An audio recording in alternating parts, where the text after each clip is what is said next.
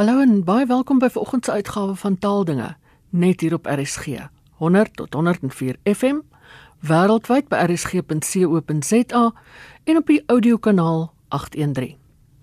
Wanneer mens 'n artikel, 'n nuusberig of 'n roman in jou hand het, sit jy met die eindproduk van 'n hele proses. 'n Baie belangrike skakel in die ketting is die teksredakteur. Ek het by Jana Luther van teksredaksie.co.za gaan kers opsteek. Jana, wat is die rol van die teksredakteur en wat doen hy? Die redakteur werk met verskillende mense in gedagte wanneer jy met 'n manuskrip besig is. Jy werk nie net met die teks nie, maar jy werk met die teks in belang en vir ander partye. En in die eerste plek werk die redakteur altyd met en veral met die leser in gedagte. Die redakteur weet vind uit wie is die teikenleser van hierdie teks, van hierdie manuskrip. En die redakteur sorg dat die skrywer aan daardie spesifieke leser 'n bevredigende leeservaring bied. Wat doen 'n teksredakteur? Die teksredakteur sorg vir 'n bevredigende leeservaring. Dit staan voorop. Die redakteur sit die bril op van die skrywer, sorg dat die skrywer nie in die verleentheid kom nie, dat die skrywer nie in die verleentheid gestel word deur skryf en feitefoute nie. Sorg vir 'n bevredigende leeservaring deur te sorg dat daar nie skryf en feitefoute is wat vir die leser steurend is nie en dat die leser die skuld vir sulke foute dan op die skrywer plaas nie. Die teksredakteur werk onsigbaar tussen die skrywer en die leser om te sorg vir 'n bevredigende leeservaring en vir die leeservaring om bevredigend te wees, is dit belangrik dat die teks ook op die beste aantreklikste manier vir die leser aangebied word daar waar die leser is. Waar wil die leser lees? Is dit 'n leser wat 'n papierboek bo 'n e-boek gaan verkies? Is dit iemand wat liefs op 'n slimfoon wil lees? Die redakteur help ook die boekontwerper en of die setter of die ontwerper van 'n webblad of 'n toepassing, die illustreerders, ander kunstenaars. Deesdae is daar ook nog ander mense betrokke, byvoorbeeld by opvoedkundige uitgewers waar handboeke nie meer net as papierboeke verskyn nie, maar veral ook as e-boeke in digitale formate waar daar makers en verskaffers is van interaktiewe aktiwiteite byvoorbeeld van klankopnames, video's en dit is ook die werk van die redakteur om by die teks, by die geredigeerde teks, riglyne te voeg vir al hierdie mense om seker te maak dat die teks, die persklaar manuskrip, die geredigeerde teks op die beste moontlike aantreklikste manier aangebied word of dit nou gedruk gaan word in boekvorm gaan verskyn as 'n e-boek op 'n rekenaar, tablet of selfoonskerm vertoon gaan word. Hoe help die teksredakteur die leser? Op verskillende maniere deur seker te maak in die eerste plek dat die teks in ooreenstemming is en in ooreenstemming bly met die konvensies van die genre wat gekies is. Is dit 'n handboek? Is dit 'n koerantteks? Is dit tydskrifkopie? Is dit advertensie? Is dit 'n fiksieteks? Die redakteur moet seker maak dat die struktuur van hierdie teks in ooreenstemming is met die beste struktuur vir die genre wat gekies is en in die tweede plek dat die beredenering dat die argument samehang vertoon dat dit koherent is. In die geval van fiksie is die verhaallyn duidelik, is die verloop van die verhaal duidelik, is daar samehang in die teks, is die inhoud volledig, word genoeg inligting gegee, nie te veel nie, nie te min nie, maar genoeg. As dit 'n storie is, vorder die storie, vorder die verhaal bevredigend nie te vinnig nie, nie te stadig nie. Hoe lyk die karakters? Word hulle doeltreffend voorgestel? Is die karakterontwikkeling bevredigend? Die stem en perspektief van die verteller is dit sterk, duidelik? Is die einddoel bevredigend? Is die slot van die teks bevredigend? Word alles mooi tot 'n einde gebring? En is daar genoeg vleis aan die been? Is daar genoeg spanning, genoeg aksie, genoeg sensualiteit in ooreenstemming met die konvensies van die betrokke genre? Is daar moeilike terme? Is daar onnodig moeilike terme wat die leser onnodig kan laat struikel? Is daar afkortings, te veel afkortings wat die leser kan laat struikel? Word vreemde woorde, moeilike terme, afkortings voldoende verduidelik? Is dit nodig om woorde wat die leser dalk nie gaan verstaan nie te verduidelik? of kan die betekenisse van die meeste terme, vreemde woorde uit die konteks afgelei word. Is daar illustrasies in die tekstabelle? Is illustrasiestabelle relevant of sommer net bygevoeg? Nie bloot versierings nie, maar illustrasiestabelle wat waarde toevoeg tot die inhoud. Word daar onnodig herhaal, dan is dit die werk van die redakteur om seker te maak dat onnodige herhalings uit die weg geruim word. Is daar dubbelsinnighede, dan moet hierdie dubbelsinnighede uitgeskakel word. Woordkeuses. Is woordkeuses akkuraat of is daar woorde wat onpresies, onnoukeurig, ondoeltreffend gebruik word? Verkeerde woordkeuses, dan moet hierdie woorde, hierdie onpresiese, onnoukeurige woorde met akkurater keuses vervang word. Byvoeglike naamwoorde en bywoorde, is daar te veel byvoeglike naamwoorde is daar te veel bywoorde is die byvoeglike naamwoorde bywoorde wat in hierdie teks gebruik word goed gekies die beste mondelike keuses word byvoeglike naamwoorde bywoorde funksioneel gebruik. Grammatika foute is daar grammatika foute wat reggemaak moet word? Spelfoute. Is daar spelfoute wat reggemaak moet word? Is die leestekens die gebruik van leestekens nagegaan? En ook bronverwysings as die skrywer na die werk van ander skrywers verwys, dan moet daar bronverwysings wees en hierdie bronverwysings moet volledig wees. Dit is maar 'n enkele lysie van al die dinge wat die redakteur doen om die leser te help aan die een kant en aan die ander kant om die skrywer van verleentheid te red sou daar te veel van hierdie soort foute in die teks aanwesig wees. Hierdie foute moet reggemaak word. In die proses help hy dus ook die skrywer.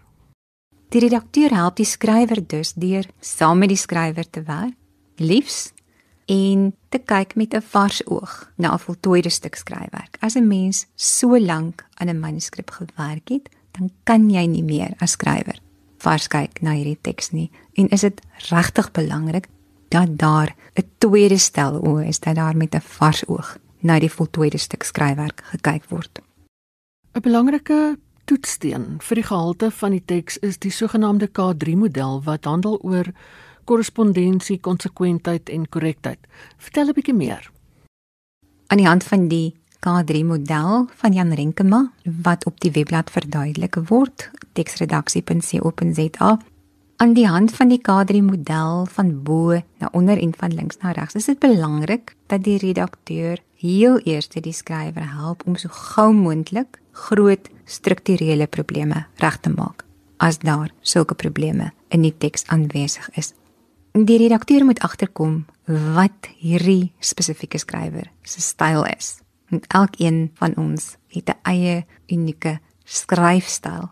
En as jy weet wat die skrywer se styl is of dit begin aanvoel en agterkom, dan let op die fynere besonderhede, al die dinge wat ons genoem het is daar moeilike terme, afkortings, herhalings, dubbelsinnighede, onpresisiehede, woordkeuses wat met akkurater keuses vervang kan word, byvoeglike naamwoorde, bywoorde, grammatika foute, spelfoute, die gebruik van leestekens terwyl die redakteur deurentyd van die skrywers unieke styl bewus bly terwyl 'n mens op hierdie fynere besonderhede let. Nie onnodig bloot op grond van 'n mens se eie persoonlike voorkeure en afkeure veranderings aan die teks aanbring sonder goeie rede nie, maar dit doen omdat dit werklik foute is terwyl jy van die skrywer se eie styl bewus bly.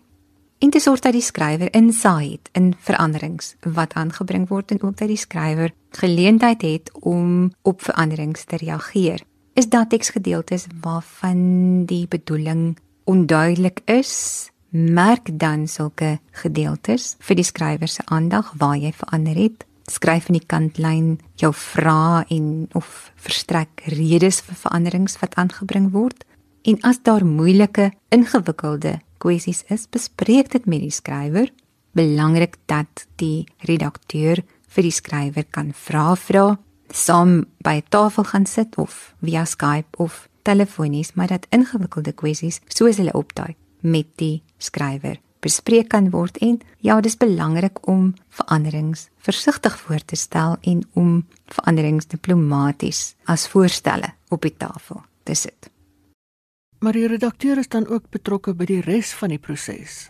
Wanneer die skrywer tevrede is en wanneer die teks persklaar is, sorg die redakteur ook dat die boekontwerper, setter, uitlegkunstenaar, bladopmaker, webmeesters met die eerste oogopslag kan sien hoe 'n teks of 'n teksgedeelte op die bladsy of skerm aangebied moet word. Dit moenie nodig wees dat die persoon wie se werk dit is om die teks op die blad of op die skerm te plaas, die hele manuskrip self hoef te lees nie die ontwerpers moet vinnig akkuraat kan werk met 'n oogopslag kan sien wat gedoen moet word sonder dat hulle die teks hoef te lees. En dis veral belangrik om in gedagte te hou dat in baie gevalle vandag waar ons met Afrikaans werk ontwerpers dikwels die taal nie magtig is nie by opvoedkundige uitgewers um, veral waar daar in elektroniese formaat gewerk word waar daar aktiwiteite en en video's en ander multimedia materiaal bygevoeg word word dit selfs in Indië gedoen. En dit is baie belangrik dat daar verset en uitleg instruksies gegee word in so min as moontlik woorde en dat 'n mens probeer om liefs met simbole te werk, ondubbelsinnige simbole waarop daar vooraf met die setters, met die uitlegkunstenaars, met die ontwerpers ooreengekom is.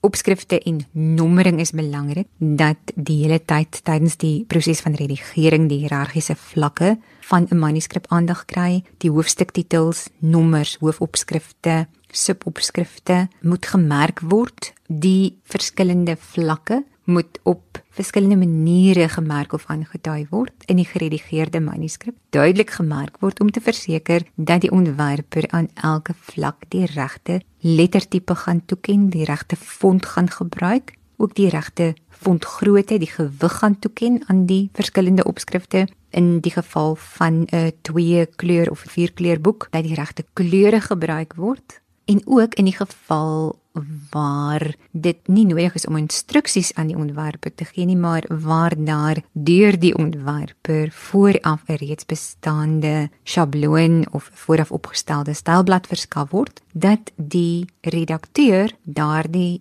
voorgeskrewe sjabloon gaan gebruik en dit reg gaan gebruik en seker te maak dat jy doen wat nodig is om te doen sodat dit die werk van die boekontwerper nie ophou nie.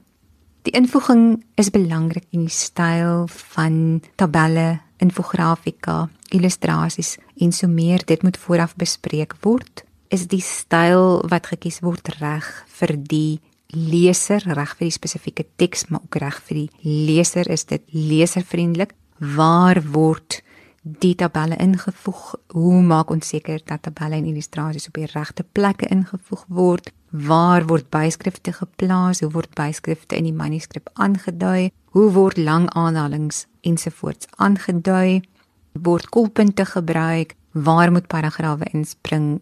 Waar moet daar wit spasie wees tussen paragrawe? Waar nie? Dit is belangrik dat dit vooraf met die ontwerper en met die kunstenaars bespreek word en dat daar ooreengekom word of op 'n spesifieke stel simbole wat gebruik gaan word om instruksies te gee of dat die veranderinge vooraf reeds aangebring word in 'n stylblad en 'n stylblad wat binne die redakteur dan moet werk en in sommige gevalle word dit reeds van die skrywer verlang om in 'n Word dokument byvoorbeeld met spesifieke style te werk en dan is dit ook die redakteur wat saam met die skrywer gaan sit en die skrywer gaan help om hierdie stylblad te bemeester. Net weer terug by konsekwentheid. Hoekom is dit so belangrik? Die kriterium in die K3 model wat Jan Renkema die verwaarloosde kriterium noem, die kriterium van konsekwentheid, plaas konsekwentheid voorop voordat die teks na die ontwerper toe gaan. Let van die begin af op verskillende moontlike korrekte terme wat in die manuskrip gebruik word, verskillende moontlike korrekte spellings. Dit is moontlik om 'n woord op twee verskillende maniere te spel, drie verskillende maniere te spel. Al drie is korrek. Verskillende moontlike korrekte skryfwyse, los of vas, al twee reg. Woorde wat geskryf kan word met 'n koppelteken of daarsonder, met 'n leesbaarheidskoppelteken dalk of nie, met 'n hoofletter of met 'n kleinletter. Kies vir elke teks uit elke stel moontlike korrekte moontlikhede, liefs net een van die twee of drie opsies. As 'n leser in die eerste paragraaf revolusie met 'n V sien in die tweede paragraaf revolusie met 'n W, albei is korrek. Nou kronologie met 'n CH geskryf, dan weer kronologie met 'n K geskryf, albei is reg. Eers streskardiomiopatie en later vir dieselfde toestand gebroke hartsindroom, inskielik Takotsubo kardiomiopatie, drie verskillende terme vir dieselfde toestand. Om die beurt sê nou maar Christen met 'n klein letter geskryf dan weer Christen met 'n hoofletter geskryf of onderwyser vir 'n onderwyser van die vroulike geslag of sanger vir 'n vrou wat sing en later vir dieselfde vrou onderwyseres in plaas van onderwyser of sangeres in plaas van sanger. Dan is die kans goed dat hierdie inkonsekwenthede mettertyd die aandag van die hoofargument of die storie of die verhaal gaan aflei. Hou in gedagte ook veral as teenstrydighede en konsekwenthede nie betyds aandag kry nie as die proefleser as gevolg van die nalatigheid van die redakteur diskrepansies en konsekwenthede eers in die finale stadium op die finale bladsy op die bladsyproewe of op die skerm moet begin regstel dan word die aanbring van hierdie korreksies dikwels 'n uitgebreide storie in 'n laat stadium wat 'n onnodige duur en tydrowende proses tot gevolg het. En vir konsekwentheid is die byhou van 'n styllys noodsaaklik, 'n styllys verkieslik reg van die begin af wat by die skrywer begin, definitief by die redakteur en wat die proefleser se werk makliker maak. In die geval van kreatiewe skryfwerk, 'n stylblad, 'n styllys vir elke manuskrip afsonderlik. Dit is nie moontlik om vir elke fiksieteks dieselfde styllys te gebruik nie en dit is beslis nie aan te beveel nie. Koerante en tydskrifte gewoonlik het 'n huisstyl, 'n stel huisreëls wat gevolg word, soos die reëls, die riglyne wat saamgevat is in Daleen Müller se boek Skryf Afrikaans van A tot Z, wat dikwels afgekort word tot ZAAS. Maar let op dat taalgebruikshandleidings soos ZAAS ook die hart taalgids, daar's ook ouer bronne soos die korrekte woord, die juiste woord, Afrikaans op sy beste, die Afrikaanse woord van Louis Eksteen kennisgids tot moderne Afrikaans, ander sulke bronne, dat hierdie bronne nie met die Afrikaanse woordelys en spelreëls die AWS verwar moet word nie. En dan altyd die nuutste uitgawe van die AWS, dan is dit die 11de uitgawe van 2017. Vir die standaard variëteit van Afrikaans is die AWS die normeringsbron wat leiding gee oor hoe ons spel en skryf. Aanvullend tot die AWS word Afrikaanse woordeboeke gebruik, die HAT die groot Faroes Afrikaans, Engels, Engels, Afrikaans woordeboek, die WAT, beide verklarende en vertalende woordeboeke, altyd die nuutste uitgawes. En taalgebruiksgidse gee dan verder leiding. Taalgebruiksgidse sorg vir konsekwentheid waar daar by 'n koerant byvoorbeeld elke dag vinnig met dieselfde soort teks gewerk word, maar ons moet versigtig wees om nie aan skrywers die huisreëls van 'n spesifieke publikasie op te dwing waar die AWS 'n ruimer keuse toelaat nie. Dit was Jana Luther van onder andere die webwerf teksredaksie.co.za.